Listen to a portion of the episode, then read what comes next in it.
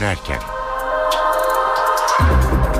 İyi akşamlar ben Öykü Özdoğan eve dönerken de günün öne çıkan gelişmeleriyle karşınızdayız. Başörtülü milletvekillerinden sonra meclis bu kez pantolon krizini aşmaya hazırlanıyor. Başbakan Erdoğan ve Meclis Başkanı Cemil Çiçek mecliste pantolon yasağının kolayca aşılabileceği görüşünde. CHP milletvekili Şafak Pave ise iç tüzük değişmeden pantolon giymem diyor. Mecliste dört kadın vekilin başörtüsüyle genel kurula katılmasının ardından gözler pantolon yasağında. Bunlar sorun değil. Bunların hepsi aşılır. Yani bu kadar şeylerden sonra pantolon falan bunlar konu değil. Meclis iç tüzüğü kadın vekiller için etek zorunluluğu getiriyor. Meclis Başkanı Cemil Çiçek'e göre ise kadın vekillerin pantolon giymesinin önünde bir engel yok. Protez bacak kullanan CHP milletvekili Şafak Pave, pantolon serbestisinin iç tüzüğe açıkça yazılmasını istiyor. Size bu konuşmayı her şeyin yasak olduğu genel kurulda yapıyorum. Mecliste pantolon giymesi bir erkek vekil tarafından engellenmiş bir kadın vekil olarak yapıyorum. Bir iş düzlükleniyorsa Anayasa Komisyonu gerekiyorsa grup başkan vekillerimiz hemen konuşurlar. Önümüzdeki hafta bunu da çıkarabiliriz. Yani iş bu kadar kolay. İç tüzük değişiklik çağrısına diğer partilerden de destek geldi. Kadının kıyafeti üzerinden hiç kimse yorum yapmamalı. İç tüzükteki tayyör e, etek ceket olabilir, pantolon ceket olabilir. Bu noktadan sonra kadınların pantolon giymesiyle ilgili iş tüzük değişikliği tartışmasına nokta koymak lazım. 2011'i hatırlayın lütfen. İş tüzükte pantolon serbestisi geliyordu hatırlıyor musunuz? Ve hepimiz destek verdik. Ancak teklifi geri çektiler. AK Parti Grup Başkan Vekili Belma Satır'ın iki yıl önce pantolon yasağı ile ilgili düzenlemeye, CHP Ankara Milletvekili Emine Öker Tarhan'ın karşı çıktığı yönündeki sözlerine muhatabından yanıt geldi. NTV'ye konuşan Tarhan, Satır'ın sözlerinin gerçeği yansıtmadığını savundu. Ben bir e, pantolon mağduruyum.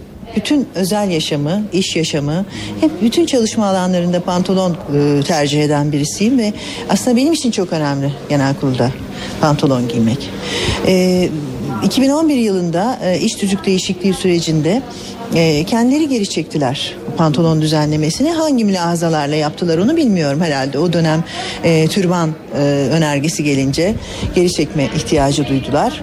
E, ardından bir takım çalışmalar yapıldığı ve ben bu çalışmalara benim engellediğim karşı çıktığımı söylüyor Sayın Belma Satır. Buna ilişkin bir protokol, bir çalışma, bir iş tüzük değişiklik önerisi falan varsa ve ben buna imza atmamışsam bunu görmek isterim aslında. Ben de bilgilenmiş olurum. Ee, böyle bir şey söz konusu dahi değil. Keşke o gün buna ilişkin düzenleme çıksaydı ve iki yıldır süren mağduriyet ortadan kalksaydı gene değerlidir benim için. Yani böyle bir düzenleme yapılması ancak e, o gün yapılması çok daha önemliydi.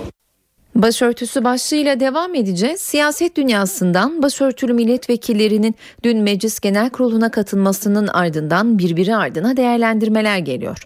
Cumhurbaşkanı Abdullah Gül meclise teşekkür etti. Meclis Başkanı Cemil Çiçek siyasete güven arttı dedi. İktidar ve muhalefet cephesinden de açıklamalar var. Herkes mutlu oldu. Herkes bu tip normalleşmeye katkı verdi. Bütün siyasi partilere teşekkür ediyorum. Dünkü atmosferi e, tarihi bir atmosfer olarak görüyorum. E, demokratikleşme sürecinin bana göre normalleşme adımlarından önemli bir adım olarak görüyorum. Türkiye'nin demokratik olgunluğu açısından e, fevkalade önemli bir tablo.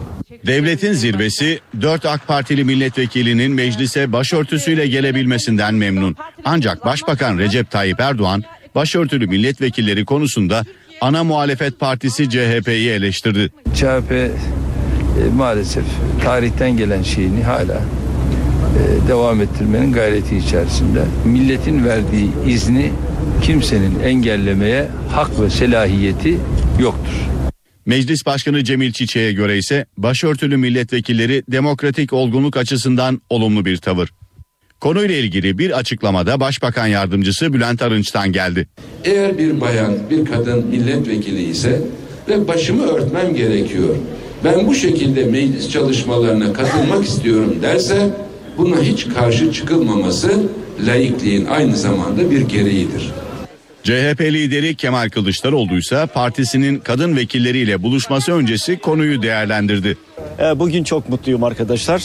e, bütün milletvekillerimize, konuşan milletvekillerimize e, yürekten teşekkür ediyorum.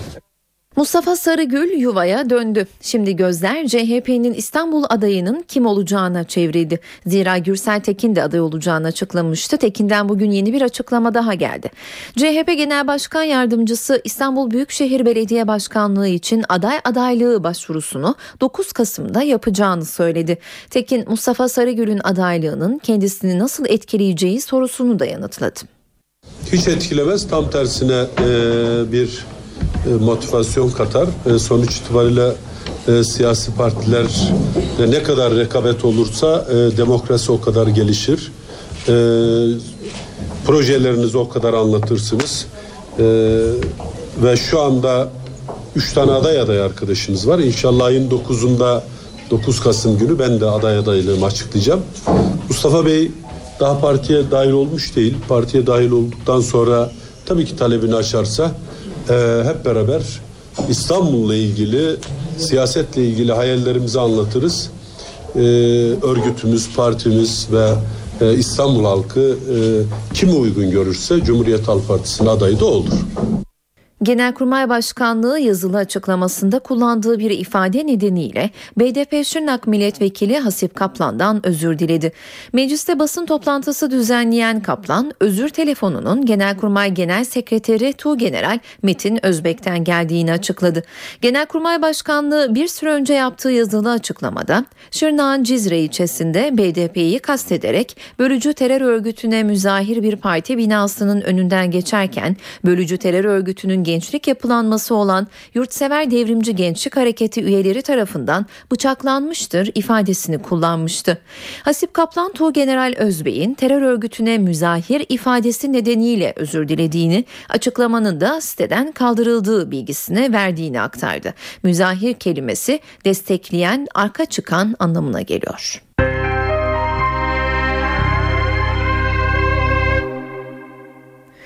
Fenerbahçe'de gözler pazar günü yapılacak başkanlık seçimine çevrildi. Öncesinde 1907 Fenerbahçeliler Derneği Başkanı Ali Koç, ardından Fenerbahçe Başkanı Aziz Yıldırım kameraların karşısına geçti. Her iki isim de başkan adaylarından Mehmet Ali Aydınlar'a yüklendi. Aziz Yıldırım 3 Temmuz süreci bitmeden benim bu kulüpteki görevim bitmez dedi. Ben neden adayım? Herkes şunu bilsin ki benim görev sürem 3 Temmuz'dur. Bu süreç tamamlanmadan ve 3 Temmuz'un tüm kanıtları Fenerbahçe üzerinden temizlenmeden bizim Fenerbahçe'de görevimiz bitmez. Bitmeyecektir. Fenerbahçe Başkanı Aziz Yıldırım 3 Ekim'deki olağanüstü kongre öncesi basın toplantısı düzenledi. Yıldırım yeni projelerini sıraladı ardından sözü başkan adayı Mehmet Ali Aydınlar'a getirdi. 3 Temmuz sürecinde ben hastanedeyken 9 Temmuz'da benim yanıma Sayın Mehmet Ali Aydınlar geldi. Anjiyolu halimle yatakta şunu söyledim. Fenerbahçe şike yapmamıştır. Fenerbahçe üzerine bir oyun oynamaktadır. Bir şekilde bizim bunu yaptığımıza inandı. Ve ondan sonra zaten bu süreci yanlış yönetti. Şimdi soruyoruz. 2010-11 sezonu şampiyonu kimdir? Fenerbahçe'nin şike yaptığına inanıyorsan Fenerbahçe'nin şampiyonluk kupasını Trabzonspor'a verecek misin? 3 Temmuz sürecinde Fenerbahçe yönetiminde yer alan Ali Koç'un da hedefinde Mehmet Ali Aydınlar vardı. Fenerbahçe Başkanlığı adaylığını açıklayan birinin seçim vaadi olarak şike yapmayacağım şeklinde ifadesinde bulunması ve bunu düzeltmemesi ben ve benim gibi düşünenler için çok büyük bir hayal kırıklığıdır. Sayın Mehmet Ali Aydınlar. Başkan olduğunuz takdirde bu süreci yaşayan insanlara nasıl bakacaksınız? Adı Fenerbahçe'nin başkan adayları arasında geçen Ali Koç kongrede aday olmayacağını söyledi. Ali Koç ve Aziz Yıldırım'ın eleştirdiği Mehmet Ali Aydınlar da basın toplantısı düzenledi. Aydınlar neden aday olduğunu anlattı. Ortada sportif başarı yok, kulüp borçlanıyor dedi. Sportif başarısızlık. Her kongrede seri şampiyonluk sözleri verilir. Her teknik adam tam benim tarzıma uyan teknik adam diye getirilir. İlk başarısı sonuçta teknik direktörümüzün arkasındayım mesajı verilir. Arkasındayım mesajı verilen teknik direktör artık gün saymaya başlar ve kaçınılmaz son kısa bir süre sonra gerçekleşir. Fenerbahçeli aynı filmi tekrar tekrar izlemekten bıktı. Artık teknik direktörlerinin uzun yıllar takımın başında kalmasını istiyor. Deneyimlerini altyapılara aktarmasını bekliyor. Sportif başarı şampiyonluk şampiyonluk denilip duruluyor. Allah aşkına tarihinde bu kadar çok ezeli rakibimizin şampiyonluğu yaşamış bir başka başkan daha var mı? İletişimsizlik. Fenerbahçe gibi öncü, yenilikçi ve örnek olması gereken dev bir kurum kavgacı bir kişiliğe bürünmüş durumda. Bu kavgacı kişilik tek adam hegemonyasının tezahürü. Kulübümüzün kurumsal duruşu maalesef tek bir kişinin hayata karşı yaklaşımı, yaşama bakışı üzerinden şekilleniyor. Kulübümüz hemen herkesle, her kurumla kavgalı. Özetlemek gerekirse denetimsizlik ve hesapsızlık, organizasyonsuzluk, sportif başarısızlık, iletişimsizlik bu dört başlığı onlarca örnekle genişletebilmek mümkün. Asla umutsuzluğa kapılmayalım. Bahsettiğim tüm tespitlere rağmen asla umutsuz değilim. Tüm bu karamsar tablo hiçbir Fenerbahçeliyi korkutmasın. Durum kötü ama umutsuz değil. Fenerbahçemizin artık bir vizyon değişimine ihtiyacı var. Eve dönerken günün öne çıkan spor gelişmeleriyle devam ediyoruz. Spor Toto Süper Lig'de 10. hafta bugün başlıyor. Haftanın programı şöyle. Açılış saat 20'de Galatasaray ile Torku Konya Spor arasında oynanacak. 2 Kasım Cumartesi günü iki maç var. Saat 19'daki mücadelelerde Bursa Spor Fenerbahçe'yi, Kayseri Erciyes Spor'da Kasımpaşa'yı konuk edecek. 3 Kasım Pazar günü 3 mücadele oynanacak. Saat 15.30'da Trabzonspor Elazığ Spor'u konuk ederken saat 19'da Çaykur Rizespor Akhisar Belediyespor'la Beşiktaş'ta Kardemir Karabük Spor'la karşı karşıya gelecek. Haftanın perdesi 4 Kasım Pazartesi günü oynanacak 3 maçla kapanacak. Saat 20'de başlayacak mücadelelerde Medikal Park Antalya Spor Kayseri Sporu, Gaziantep Spor Sivas Sporu, Gençler Birliği de Eskişehir Sporu konuk edecek. Spor Toto Süper Lig'de son iki maçını kazanarak çıkışa geçen Galatasaray bugün Torku Konya Sporu konuk edecek. Türk Telekom Arena'da kazanarak galibiyet serisini sürdürmek isteyen Sarı Kırmızılarda teknik direktör Mancini oyuncularını konsantrasyon kaybı yaşamamaları için uyardı. Galatasaray Spor Toto Süper Lig'in 10. haftasında Torku Konya Spor'la karşı karşıya gelecek. Kardemir Karabük Spor ve Kayseri Spor galibiyetleriyle moral bulan Mancini'nin ekibi Torku Konya Spor'u da mağlup edip zirveye bir adım daha yaklaşmayı amaçlıyor.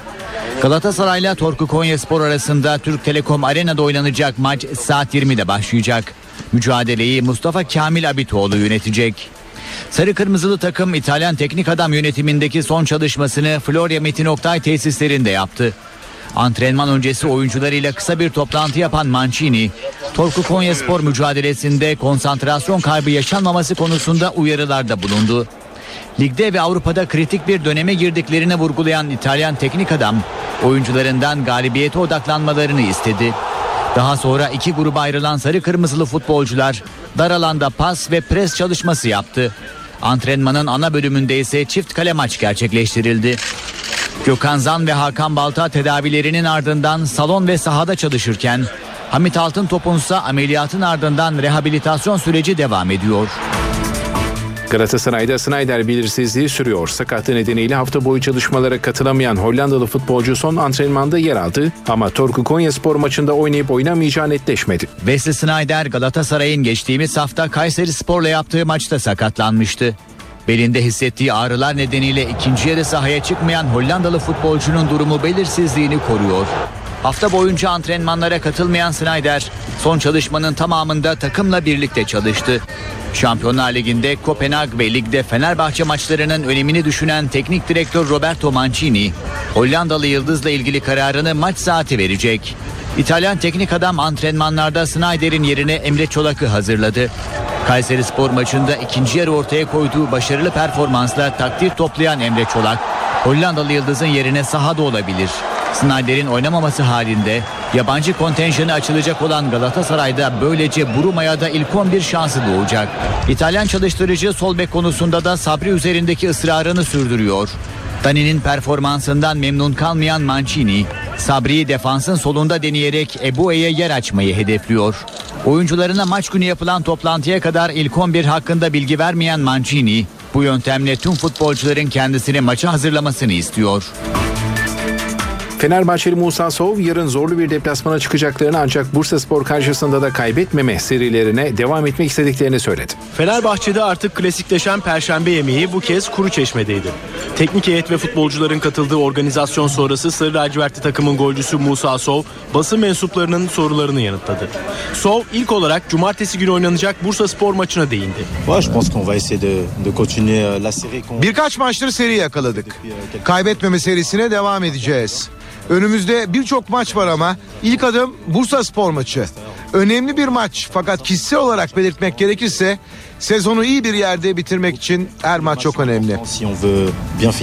Bursa Spor gibi zor bir engeli aşmadan Galatasaray derbisinin konuşulmaması gerektiğini vurgulayan Sov, son haftalarda artan performansını da sürdürmek istediğini söyledi. Senegalli yıldızı antrenmanda Galatasaraylı Şecu'nun Kayseri Spor maçındaki gol sevincini taklit etmesi de soruldu. Lille'de Şecu ile beraber oynuyordum. O benim arkadaşım. Gol attıktan sonra yaptığı bu hareket hoşuma gitmişti. Ama onun sevinç gösterisini taklit etmem gibi bir durum tabii ki söz konusu değil. Beşiktaşlı Eskude son haftalarda yaşadıkları özgüven kaybının üst üste kazanacakları maçlarla yeniden yerine geleceğini söyledi. Büyük başarıların çok çalışmadan geçtiğini belirten Fransız oyuncu genç oyuncu Pedro Franco'ya sahip çıktı. Beşiktaş'ın tecrübeli defans oyuncusu Julian Escude Beşiktaş televizyonuna açıklamalarda bulundu. Beşiktaş forması altında iki senedir özel bir deneyim yaşadığını aktaran Escude, Türkiye Ligi'nin çok güçlü ekiplerden oluşan zor bir lig olduğunu söyledi. Geride kalan 9 haftayı değerlendiren tecrübeli oyuncu, Trabzonspor maçıyla lige iyi giriş yaptık. Galatasaray derbisinde taraftarlarımızın önünde muazzam bir maç oynadık ama dramatik şekilde kaybettik. Özgüvenimiz üst üste maçlar kazanmamıza yeniden yerine gelecek dedi.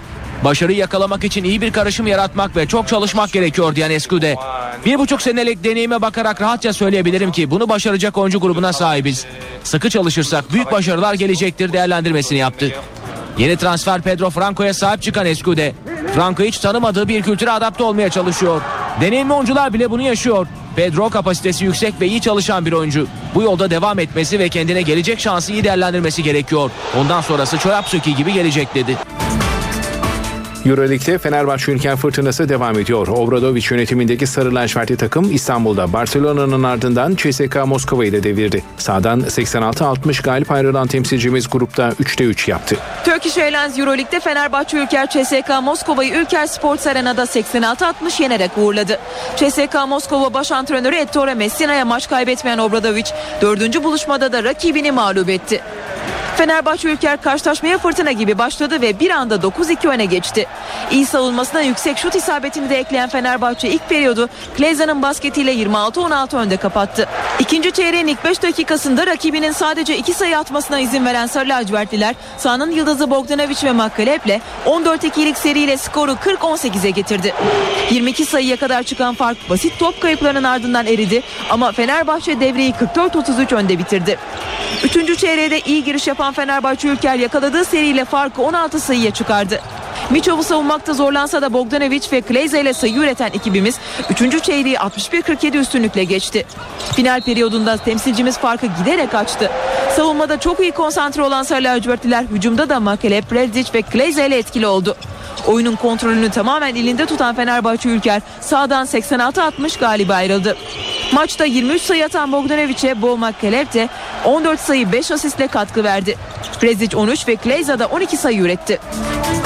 Sakatlıklarla darbeyi yiyen Galatasaray Hospital İspanya'dan eli boş döndü. Euroleague 3. hafta maçında Unica Malaga'ya konuk olan Sarı Kırmızılı takım ikinci yarısında etkisiz kaldığı maçı 84-57 kaybetti. Sakat 6 oyuncusu bulunan Galatasaraylı Hospital bir darbede Yunuka Malaga'dan yedi. Sarı Kırmızı takım Turkish Airlines Euroleague C grubundaki 3. maçında Malaga'ya deplasmanda 84-57 mağlup oldu. Galatasaray'da Markoşvili, Cenk Akyol, Ender Aslan, Furkan Aldemir ve Nathan Cavay forma giyemedi. Uzun süre sonra kadroya giren Engin Aktür de mücadelede süre almadı. İspanya'da sayı perdesi Galatasaraylı Zoran Ersek'le açılırken maça iyi başlayan Unica Malaga oldu ve periyodu 20-12 önde tamamladı. İkinci çeyrekte Sinan Güler'in oyuna girmesiyle hücumu rayına oturtan Galatasaray 5-0'lık seriyle rakibine yetişti. Sarı Kırmızıların dış atışlarda yakaladığı güvene maç van ve Bonsu'nun pot altındaki sayıları eklenince oyun temsilcimiz lehine döndü. Savunmada dozajı artıran Galatasaray Drag için 3 sayılık atışına engel olamasa da devreyi 42-41 önde kapattı. İkinci yarıda Galatasaray dar rotasyondan olumsuz etkilendi. Sayı üretmekte zorlanan sarı kırmızı takım Malaga'nın tempoyu yukarı çekerek kontrolü eline geçirmesine engel olamadı. 8 sayı ürettiği 3. periyotta 20 sayı yiyen Galatasaray son çeyreğe 61-50 geride girdi. Final periyodunda İspanyol ekibi farkı daha da açtı ve fark eden 84-57 galip ayrıldı. Üçüncü maçında ikinci yenilgisini alan Galatasaray'da Gordon'ın 12 sayı 10 asist 7 rebound ve Bonsu'nun 10 sayı 11 reboundluk performansı rakibine direnmeye yeterli olmadı. Hemen hatırlatalım Euroleague'deki bir diğer temsilcimiz Anadolu Efes Almanya'da Broz Basket'se konuk olacak. Bu akşam saat 20'de başlayacak mücadele NTV Spor Smart'tan canlı yayınlanacak. Saat 18.43 ben Öykü Özdoğan eve dönerken de gelişmeleri aktarmaya devam ediyoruz. Hükümet önümüzdeki 5 yıl için ekonomik hedefler belirledi. Hedefler arasında 5 yılda 4 milyon kişiye yeni iş yaratma ve Türkiye'yi 2018'de Zenginler Ligi'ne sokma bulunuyor.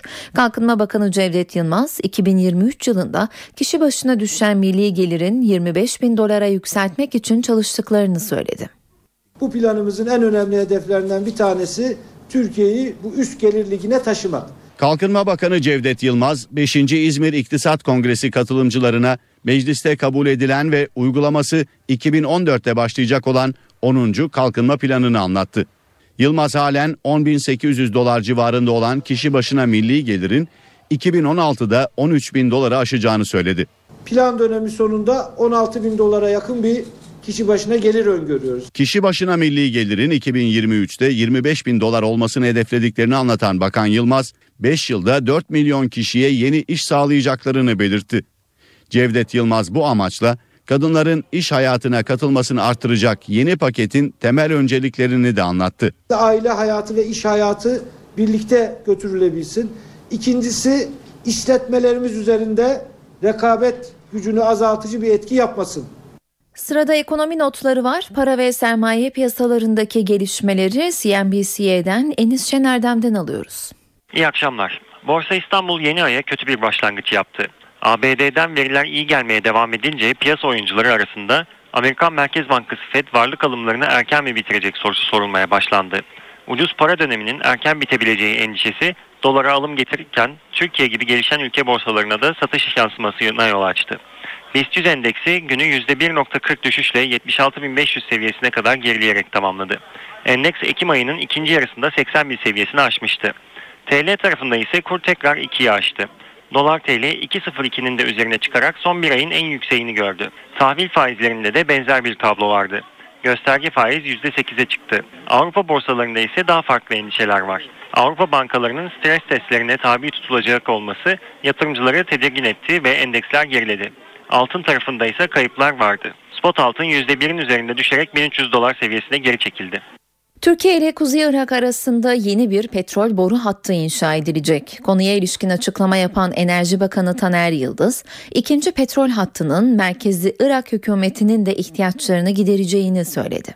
Bizim herhangi bir tarafı tutmak diye bir e, konumuz olmaz. Böyle bir tercihimiz olmaz. Çünkü Irak halkının tamamınındır bütün bu e, kazanımlar. Ondan dolayı e, bizim merkezi Irak mı yoksa Kuzey Irak mı diye bir tercih sorusu yanlış olur. E, bütün e, Irak halkıyla alakalı normalleşmenin, e, orayla alakalı gelirlerin artırılması komşu ve kardeş ülke Türkiye'nin hedefleri arasındadır.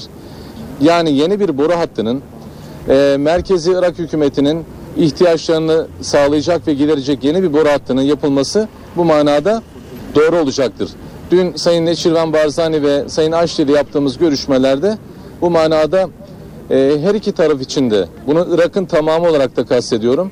Son derece olumlu, e, güzel gelişmelerin olduğunu ve bundan sonraki süreçte de bunların devam edeceğini bu vesileyle belirtmek isterim. Gençlik ve Spor Bakanlığı evli olan ya da üniversitede evlenen öğrencilere maddi destek sağlamak için çalışma başlattı. Bakanlık bu kapsamdaki öğrencilere burs ve ücretsiz yurt desteği sağlayacak. Evli üniversite öğrencilerine maddi destek için çalışma başlatıldı. Bu kapsamda yaklaşık 3000 öğrencinin kredi borçları sıfırlanacak.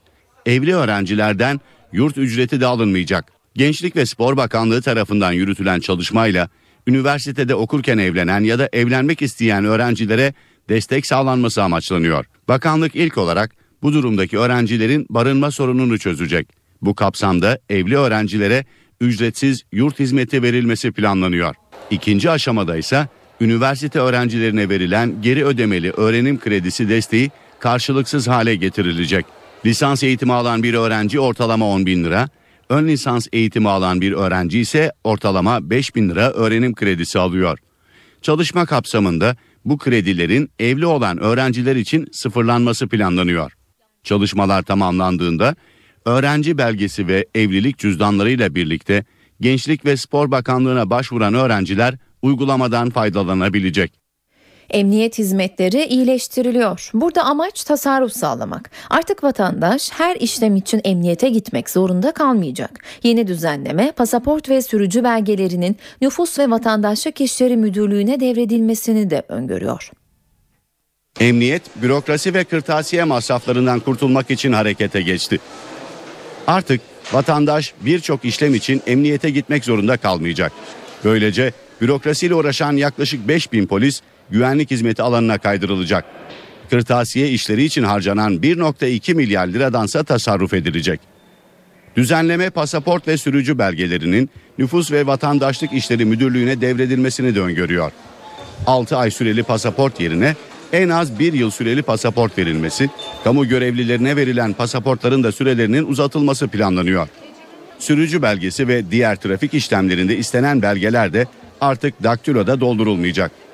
Böylece bu işlemlerde kullanılan yaklaşık 6 milyon belgeden 62 milyon lira tasarruf edilecek. Araç trafik tescil başvuruları ve işlem formları vergi dairelerine elektronik ortamda gönderilecek. Parmak izleri elektronik ortamda sorgulanacak. Adli sicil belgesi de elektronik ortamdan temin edilecek. Trafik belgesi yerine araç muayene raporu verilecek. TÜVTÜRK'ün muayene raporu da elektronik ortamda sunulacak. Saat 19 ben Öykü Özdoğan eve dönerken de gelişmeleri aktarmaya devam ediyoruz. Dikizci polemiği yargıya taşındı. Başbakan Erdoğan CHP lideri Kemal Kılıçdaroğlu hakkında 100 bin liralık manevi tazminat davası açtı. CHP lideri 29 Ekim Cumhuriyet Bayramı'nda Tandoğan Meydanı'nda düzenlenen mitingde başbakanı kastederek Dolmabahçe'de oturup Kadıköy'den gelen vapurlardaki kadınları dikizliyor demişti. Dava dilekçesinde Kılıçdaroğlu'nun sözleriyle eleştirildi eleştiri ve ifade özgürlüğünü aştığı belirtildi. Diyetisyen Canan Karatay'ı dolandırdığı ileri sürülen şüpheliler adliyeye sevk edildi. Profesör Canan Karatay'ı 110 bin lira dolandırdığı iddia edilen iki şüpheli emniyetteki işlemlerinin ardından adliyeye gönderildi. Kendilerini polis ve savcı olarak tanıtan şüpheliler emniyetin düzenlediği operasyonla gözaltına alınmıştı. Canan Karatay'a ait olan 110 bin lirada savcılık kararıyla kendisine teslim edilecek. Eski OHAL valisi Hayri Kozakçıoğlu'nun hayatına son verdiği kesinleşti. Soruşturmada takipsizlik kararı verildi. İstanbul Cumhuriyet Başsavcılığı soruşturmada Kozakçıoğlu'nun ölümünde şüphe oluşturacak bir neden bulamadı. Kozakçıoğlu'nun intihar ettiği belirtilerek dosya kapatıldı.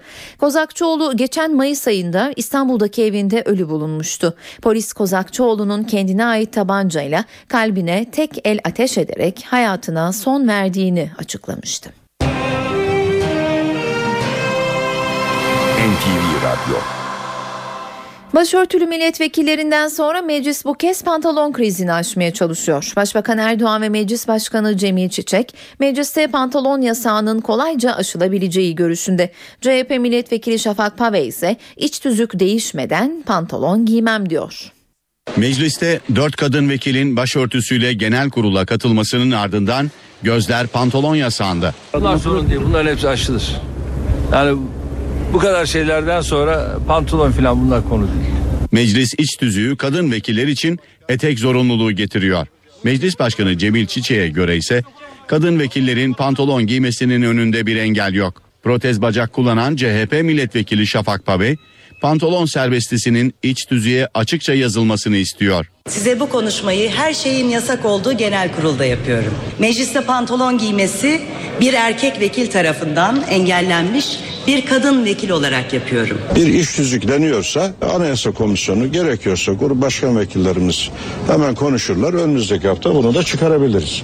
Yani iş bu kadar kolay. İç tüzük değişiklik çağrısına diğer partilerden de destek geldi. Kadının kıyafeti üzerinden hiç kimse yorum yapmamalı. İç tüzükteki tayyör e, etek ceket olabilir, pantolon ceket olabilir. Bu noktadan sonra kadınların pantolon giymesiyle ilgili iş tüzük değişikliği tartışmasına nokta koymak lazım. 2011'i hatırlayın lütfen. İş tüzükte pantolon serbestisi geliyordu hatırlıyor musunuz? Ve hepimiz destek verdik. Ancak teklifi geri çektiler. Başörtüsü başlığıyla devam edelim. Siyaset dünyasından başörtülü milletvekillerinin dün Meclis Genel Kurulu'na katılmasının ardından birbiri ardına değerlendirmeler geliyor. Cumhurbaşkanı Abdullah Gül meclise teşekkür etti. Meclis Başkanı Cemil Çiçek siyasete güven arttı dedi. İktidar ve muhalefet cephesinden de açıklamalar var. Herkes mutlu oldu. Herkes bu tip normalleşmeye katkı verdi. Bütün siyasi partilere teşekkür ediyorum. Dünkü atmosferi e, tarihi bir atmosfer olarak görüyorum. E, demokratikleşme sürecinin bana göre normalleşme adımlarından önemli bir adım olarak görüyorum. Türkiye'nin demokratik olgunluğu açısından e, fevkalade önemli bir tablo. Devletin zirvesi 4 AK Partili milletvekilinin meclise başörtüsüyle gelebilmesinden memnun. Ancak Başbakan Recep Tayyip Erdoğan başörtülü milletvekilleri konusunda ana muhalefet partisi CHP'yi eleştirdi. CHP e, maalesef tarihten gelen şeyini hala e, devam ettirmenin gayreti içerisinde. Milletin verdiği izni kimsenin engellemeye hak ve selahiyeti yoktur. Meclis Başkanı Cemil Çiçek'e göre ise başörtülü milletvekilleri demokratik olgunluk açısından olumlu bir tavır. Konuyla ilgili bir açıklamada Başbakan Yardımcısı Bülent Arınç'tan geldi. Eğer bir bayan, bir kadın milletvekili ise ve başımı örtmem gerekiyor. Ben bu şekilde meclis çalışmalarına katılmak istiyorum derse buna hiç karşı çıkılmaması laikliğin aynı zamanda bir gereğidir. CHP lideri Kemal Kılıçdaroğlu ise partisinin kadın vekilleriyle buluşması öncesi konuyu değerlendirdi. E, Bugün çok mutluyum arkadaşlar. E, Bütün milletvekillerimize, konuşan milletvekillerimize e, yürekten teşekkür ediyorum. Mustafa Sarıgül yuvaya döndü. Şimdi gözler CHP'nin İstanbul adayının kim olacağına çevrildi. Zira Gürsel Tekin de aday olacağını açıklamıştı. Tekin'den bugün yeni bir açıklama daha geldi. CHP Genel Başkan Yardımcısı İstanbul Büyükşehir Belediye Başkanlığı için aday adayı başvurusunu 9 Kasım'da yapacağını söyledi. Tekin Mustafa Sarıgül'ün adaylığının kendisini nasıl etkileyeceği sorusunu da yanıtladı. Hiç etkilemez tam tersine e, bir motivasyon katar. E, sonuç itibariyle e, siyasi partiler ne kadar rekabet olursa e, demokrasi o kadar gelişir. E, projelerinizi o kadar anlatırsınız. E, ve şu anda üç tane aday aday arkadaşımız var. İnşallah ayın 9'unda 9 Kasım günü ben de aday adaylığımı açıklayacağım. Mustafa Bey daha partiye dahil olmuş değil. Partiye dahil olduktan sonra tabii ki talebini açarsa e, hep beraber İstanbul'la ilgili siyasetle ilgili hayallerimizi anlatırız. E, örgütümüz, partimiz ve e, İstanbul halkı e, kimi uygun görürse Cumhuriyet Halk Partisi'nin adayı da olur.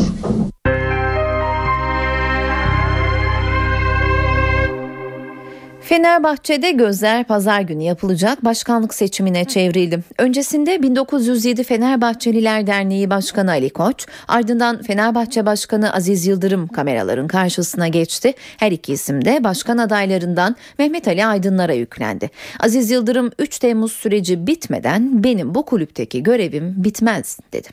Ben neden adayım? Herkes şunu bilsin ki benim görev sürem 3 Temmuz'dur. Bu süreç tamamlanmadan ve 3 Temmuz'un tüm kanıtları Fenerbahçe üzerinden temizlenmeden bizim Fenerbahçe'de görevimiz bitmez. Bitmeyecektir. Fenerbahçe Başkanı Aziz Yıldırım 3 Ekim'deki olağanüstü kongre öncesi basın toplantısı düzenledi. Yıldırım yeni projelerini sıraladı ardından sözü başkan adayı Mehmet Ali Aydınlar'a getirdi. 3 Temmuz sürecinde ben hastanedeyken 9 Temmuz'da benim yanıma Sayın Mehmet Ali Aydınlar geldi. Anjiyolu halimle yatakta şunu söyledim. Fenerbahçe şike yapmamıştır. Fenerbahçe üzerine bir oyun oynamaktadır. Bir şekilde bizim bunu yaptığımıza inandı. Ve ondan sonra zaten bu süreci yanlış yönetti. Şimdi soruyoruz. 2010-11 sezonu şampiyonu kimdir?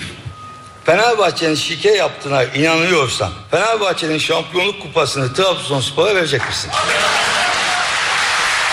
3 Temmuz sürecinde Fenerbahçe yönetiminde yer alan Ali Koç'un da hedefinde Mehmet Ali Aydınlar vardı. Fenerbahçe başkanlığı adaylığını açıklayan birinin seçim vaadi olarak şike yapmayacağım şeklinde ifadesi bulunması ve bunu düzeltmemesi ben ve benim gibi düşünenler için çok büyük bir hayal kırıklığıdır. Sayın Mehmet Ali Aydınlar.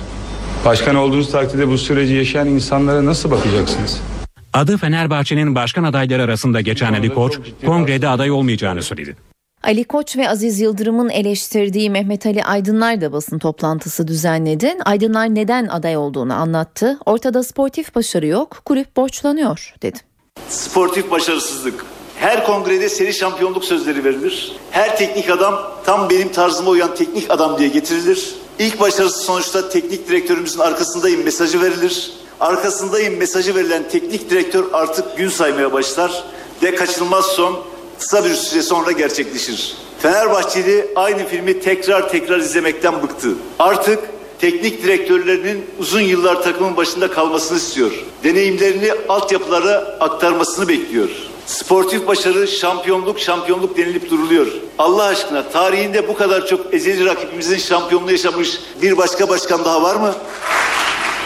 İletişimsizlik. Fenerbahçe gibi öncü, yenilikçi ve örnek olması gereken dev bir kurum kavgacı bir kişiliğe bürünmüş durumda. Bu kavgacı kişilik tek adam hegemonyasının tezahürü. Kulübümüzün kurumsal duruşu maalesef tek bir kişinin hayata karşı yaklaşımı, yaşama bakışı üzerinden şekilleniyor. Kulübümüz hemen herkesle, her kurumla kavgalı. Özetlemek gerekirse denetimsizlik ve hesapsızlık, organizasyonsuzluk, sportif başarısızlık, iletişimsizlik bu dört başlığı onlarca örnekle genişletebilmek mümkün. Asla umutsuzluğa kapılmayalım. Bahsettiğim tüm tespitlere rağmen asla umutsuz değilim. Tüm bu karamsar tablo hiçbir Fenerbahçeliyi korkutmasın. Durum kötü ama umutsuz değil. Fenerbahçemizin artık bir vizyon değişimine ihtiyacı var. 19-13 saatler ben Öykü Özdoğan eve dönerken de yeniden karşınızdayız. Sıcak bir gelişmeyi aktaralım. Taliban'ın Pakistan'daki lideri Hekimullah Mesud öldürüldü. Amerika Birleşik Devletleri'ne ait insansız hava araçları Hekimullah Mesud'un kaldığı evi hedef aldı. Güvenlik kaynakları Kuzey Veziristan'da düzenlenen saldırıda Taliban'ın en önemli liderlerinden biri olarak görülen Hekimullah Mesud'un öldürüldüğünü duyurdu. 1995 yılında biten Bosna Savaşı'nın ardından bulunan toplu mezarlara bir yenisi daha eklendi. Araştırmacılar Prijedor bölgesindeki mezarın uzun zamandır bulunan en büyük toplu mezar olduğunu belirtiyor.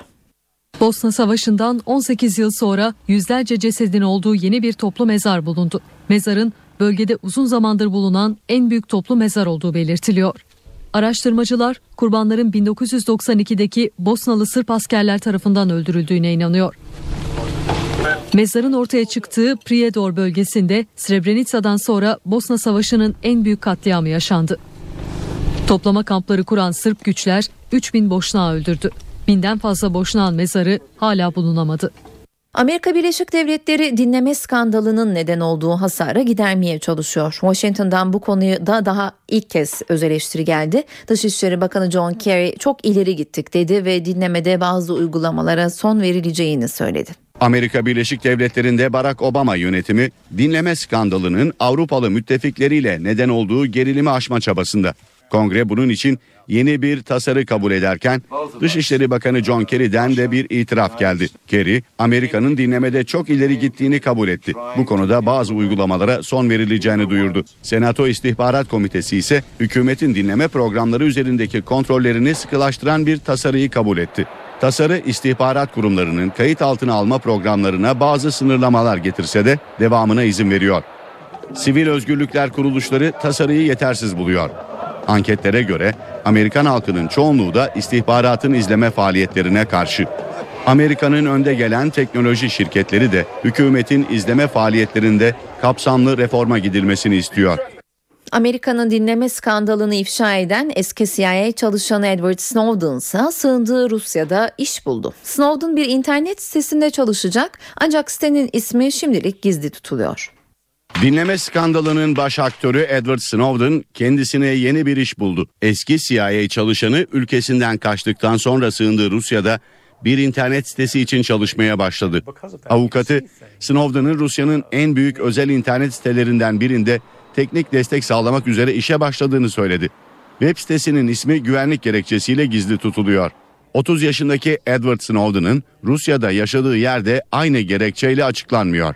Kamuoyunun karşısına pek çıkmayan eski CIA çalışanı son olarak Alman Yeşiller Milletvekili Hans Christian Strobele ile bir araya geldi. Snowden görüşmede Almanya'ya giderek Başbakan Merkel'in dinlendiği iddialarının soruşturulmasına yardımcı olabileceğini söyledi. Edward Snowden milletvekiline Alman hükümetine iletmesi için bir mektup da verdi.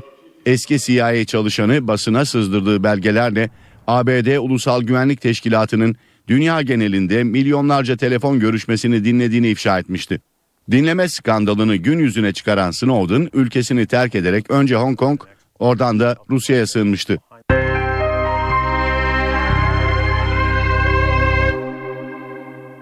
Eve dönerken programını kültür sanatla bitiriyoruz. Günün etkinliklerinden öneriler sunacağız. Ben Öykü Özdoğan. Pazartesi aynı saatte karşınızda olacağız. Şimdilik hoşçakalın.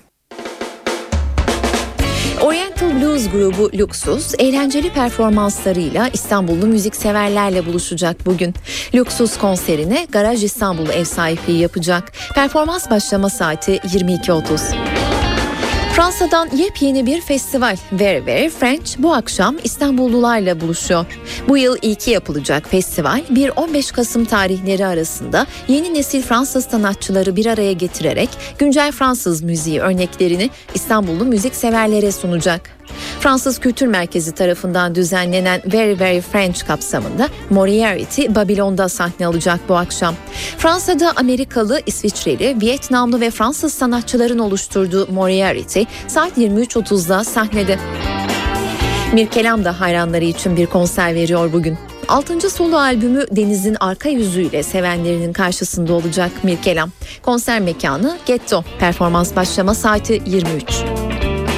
Maltsa Kadıköy sahnede konser verecek. Cenk Durmazel, Barış Ertunç ve Cenk Turanlı'dan oluşan topluluk saat 21'de başlıyor konserine. Can Bonomo ise Jolly Joker'de konser veriyor sevenleri için. İkinci albümü Aşktan ve Gariplikten albümünden şarkılar seslendirecek sanatçı saat 23'te başlayacak konserine. Mor ve Ötesi de İzmirli hayranlarıyla buluşuyor bugün. Ozi Venue'deki konserine saat 23'te başlıyor grup. İzmirli tiyatro severler için de bir önerimiz olacak. Haluk Bilginer'in yönettiği Nehir sahneye konuyor bu akşam İzmir'de. Jazz Butterworth'un yazdığı, Hira Tekin Dor'un çevirisini yaptığı oyunda Haluk Bilginer, Ayça Bingöl ve Canan Ergüder rol alıyor. Nehir oyununa İzmir AKM Yunus Emre Salonu ev sahipliği yapacak. Oyunun 20.30'da başladığını ekleyelim. İstanbul'da şehir tiyatroları Harbiye Muhsin Ertuğrul sahnesinde de Ocak adlı oyun sahneleniyor. Turgut Özakman'ın kaleme aldığı oyunda Aslı İçözü, Cengiz Tangör, Erkan Sever, Hakan Güner gibi isimler tiyatro severlerle buluşuyor. Oyunda 1960'lı yıllarda emekçi bir ailenin ekonomik güçlüklere ve geçim sıkıntısının getirdiği zorluklara rağmen bir arada durma çabası sahneye taşınıyor. Oyunun başlama saati 20. Sanatsa Maya Cüneyt Türel sahnesinde izlenebilir bu akşam.